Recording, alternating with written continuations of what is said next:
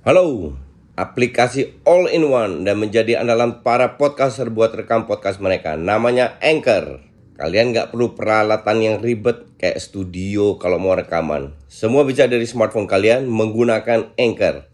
Anchor bisa kalian download di App Store atau Play Store. Mudah banget kan? Di Anchor kalian nggak hanya bisa ngerekam audio, tapi kalian juga bisa ngedit langsung di sini. Bukan itu aja, Anchor juga dapat mendistribusikan konten kamu ke platform lain, contohnya Spotify, Apple Music, dan lain-lain. Keren kan? Satu aplikasi buat semua kebutuhan. Daripada kalian makin penasaran, mending langsung aja download Anchor sekarang. Oh ya, Anchor ini gratis loh.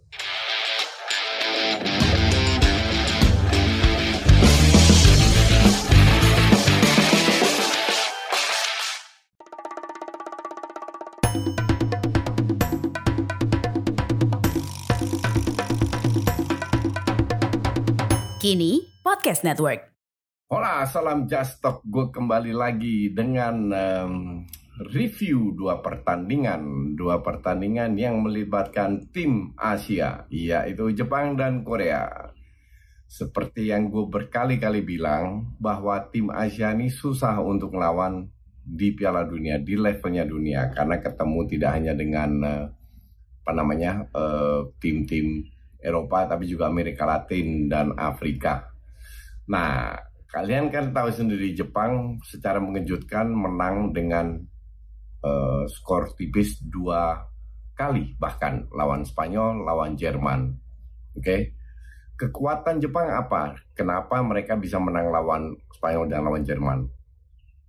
Terutama di babak kedua pada saat mereka tertinggal, mereka berani ngepres dalam 15-20 menit ngepres benar-benar high press mendapatkan peluang bermain Spartan. Akhirnya dua kali dapat cetak dua gol. Tapi harus diakui lawan Spanyol match terakhir di mana mereka menang itu selisihnya cuma 1,88 mm oke? Milimeter.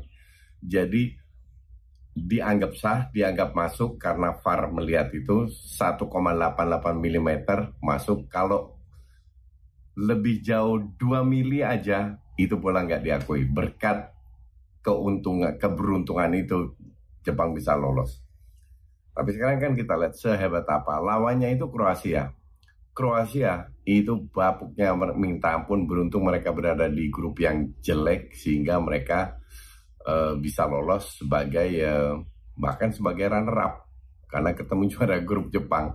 Yang juara grup itu Maroko. Kebayang nggak lo Belgia yang amburadul, Kroasia lebih amburadul lagi. Kalau kita lihat eh, apa namanya line up-nya, kita lihat line up-nya begitu banyak pemain yang tua, terutama di Kroasia ya. Makanya gue gue sebutnya tim kolang kaleng senior ketemu tim kolang kaleng junior. Eh, Modric, Perisic, Kovacic, Brozovic, Lovren, yang baru-baru yang muda mungkin Juranovic, Kramaric juga gue nggak tahu umurnya berapa. Kayak tapi kayaknya masih muda. Petkovic, Barisic, Gvardiol yang masih muda. Nah, pe- bukan pemain yang top semua sama kipernya Livakovic yang jadi man of the match karena mem- me- menahan tiga penalti ya. Tapi kalau kita lihat di babak pertama Jepang dengan 5-4-1 bermain cukup bagus, oke? Nah, sayangnya Kubo cedera, Doan yang main. Salah satu, salah satu kekuatan Jepang adalah dia di menit 60-an masukin Doan sama Asano. Dua pemain yang punya speed fighting spirit eh, tinggi bisa membuat sebuah perbedaan. Berapa kali itu terjadi? Waktu lawan Jepang Asano cetak gol, terus eh, Doan punya peran penting di eh, lawan eh, apa namanya J- Jerman, lawan Spanyol. Tapi karena Kubo nggak ada, Doan main di babak awal dari babak awal dari babak awal dia nggak bisa perform seperti biasanya. Kalau dia masuk di menit 60-65, artinya dia punya waktu untuk ngegas. Yang lain lawannya capek. Di situlah keuntungannya kalau masukin dua pemain yang yang super fit ma- masih muda dan kenceng.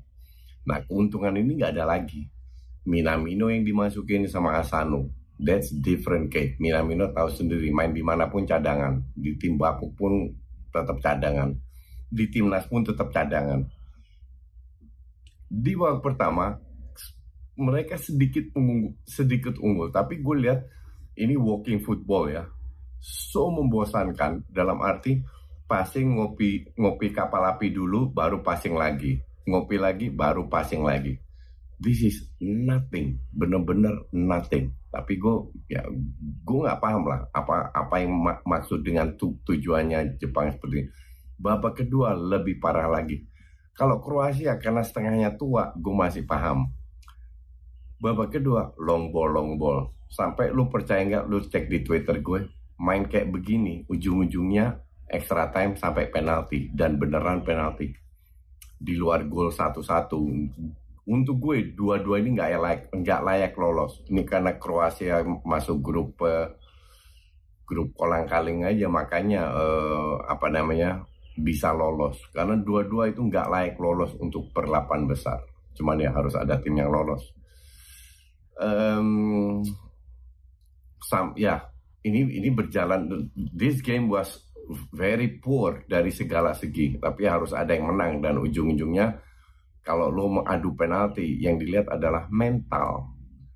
Tiga penalti pertama nggak masuk itu udah selesai. Praktis sudah selesai walaupun Kroasia sekali nggak masuk tapi tiga penalti pertama tidak masuk. Ya terus lu lu mau ngomong apa lagi? Uh, bahkan Maya Yoshida nggak masuk juga.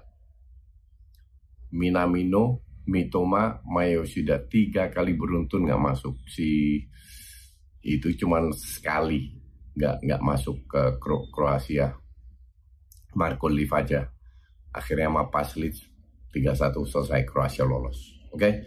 gue mau ngenalin kalian aplikasi rekaman andalan gue Anchor. Jadi Anchor ini aplikasi yang lengkap buat para podcaster. Kita bisa ngerekam ngedit tambah musik efek bahkan sampai upload ke platform lainnya semua bisa dari Anchor nah Aplikasi Anchor ini bisa kalian download di App Store atau Play Store dan juga di website di www.anchor.fm. One app that your podcast needs. Oh ya, Anchor ini gratis ya. Korea ketemu Brasil. Sekuat apa Korea? Korea lolos itu juga dengan lag besar. Kenapa? Karena Korea lolos dengan bertemu uh, di match terakhir lawan Portugal. Portugal di, yang kalah lawan Korea itu Portugal lapis dua. Hanya Ronaldo doang praktis Ronaldo doang yang yang yang pemain utama.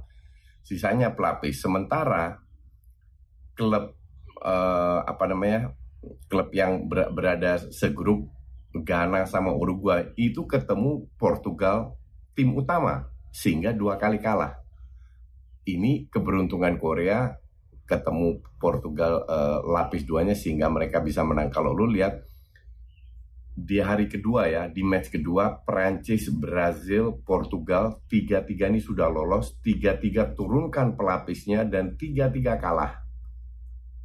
Termasuk Korea yang diunggulkan. Jadi Korea lolos ini like-nya itu besar, bukan karena mereka hebat. Ketemu Brazil. Brazil nggak ada Neymar seperti yang gue bilang, soul-nya itu hilang rohnya itu hilang. Gak terlalu bagus mainnya, ngandelin skill, ngandelin uh, hebatnya uh, Vini terutama Richarlison juga di match kedua nggak kelihatan, Rafinya nggak nggak nggak nggak kelihatan. Ketemu Korea yang ya permainannya gue bilang very very textbook dari detik awal sampai detik akhir nggak berubah cara bermainnya. Tapi gue salutnya mereka tidak parkir bis mereka berani ngepres walaupun berhasil keluar terus. Ujung-ujungnya Vinicius ini nggak main bagus lagi. Dia tidak pernah 90 menit ber bermain bagus. Match kedua itu lebih parah lagi, lebih jelek lagi. Tapi karena ini pemain berkualitas, pemain bagus banget, dia nggak butuh banyak peluang untuk bisa cetak gol. Peluang pertama begitu banyak ruang dia dapat, bahkan dia bisa kontrol, dia cek finishingnya luar biasa. Padahal ada lima orang di depan gawang. Ini skill kelasnya Vinicius. Golnya pakai tak keempat. Berkat Vinicius yang gak di crossing ya, tapi di lob sampai ke paketa finishing tapi itu di udah 4-0 cuman penalti Neymar untuk agak lebay itu itu harusnya bukan pen, penalti harusnya si wasit melihat VAR dulu but anyway menit 36 4-0 dari menit 36 sampai extra time itu 5 menit kalau nggak salah atau 6 menit sekitar itulah. 5 menit jadi 45 plus 5 50 menit. Mereka dapat tiga kali peluang untuk bisa bikin 5-0 nggak terjadi. Untuk bisa bikin gol terlima nggak terjadi. Oke. Okay. um, sementara Korea nggak berubah mereka tidak berubah ngepres berubah main uh, oportunis nothing. Bener-bener dari detik awal sampai detik akhir sama mainnya. Karena akurasi passingnya jelek dibanding sama berhasil sehingga mereka sering kali uh, apa namanya serangan mereka itu kandas. Shotsnya juga 18 berhasil 7 big, 7 big chance loh. Korea cuma satu satu dua ya satu dua lah. Berhasil miss big chance itu 5 Korea cuma satu. Jadi kalau dilihat 4-1 itu wajar-wajar ya sampai sampai pelatihnya itu begitu pede itu turunkan Dani Alves yang usia sudah 39 tahun di menit 60-an malah hampir cetak gol juga. Terus uh, kiper ketiganya diturunkan ya ini agak melecehkan Korea kalau kalau gue bilang karena dia PD-nya nggak bakalan ke Uber walaupun Korea cetak satu gol keren. Kiper ketiganya diturunin juga Waverton menit 80 uh, jadi semua squad dia pengen semua squad dari Brasil bermain tapi feeling gue ini match terakhir uh, untuk Dani Alves dan juga si Waverton gue nggak ngeliat mereka akan bermain lagi karena ini ini di sistem gugur udah udah sel selesai lah. Dan Brasil nanti ketemu Kroasia habis itu ketemu Argentina atau Belanda. Oke, okay, sementara itu dulu. Kita lanjut besok untuk para member. Gua ada dua kali live komen jam 10 dan jam 2 ya. Thanks for watching.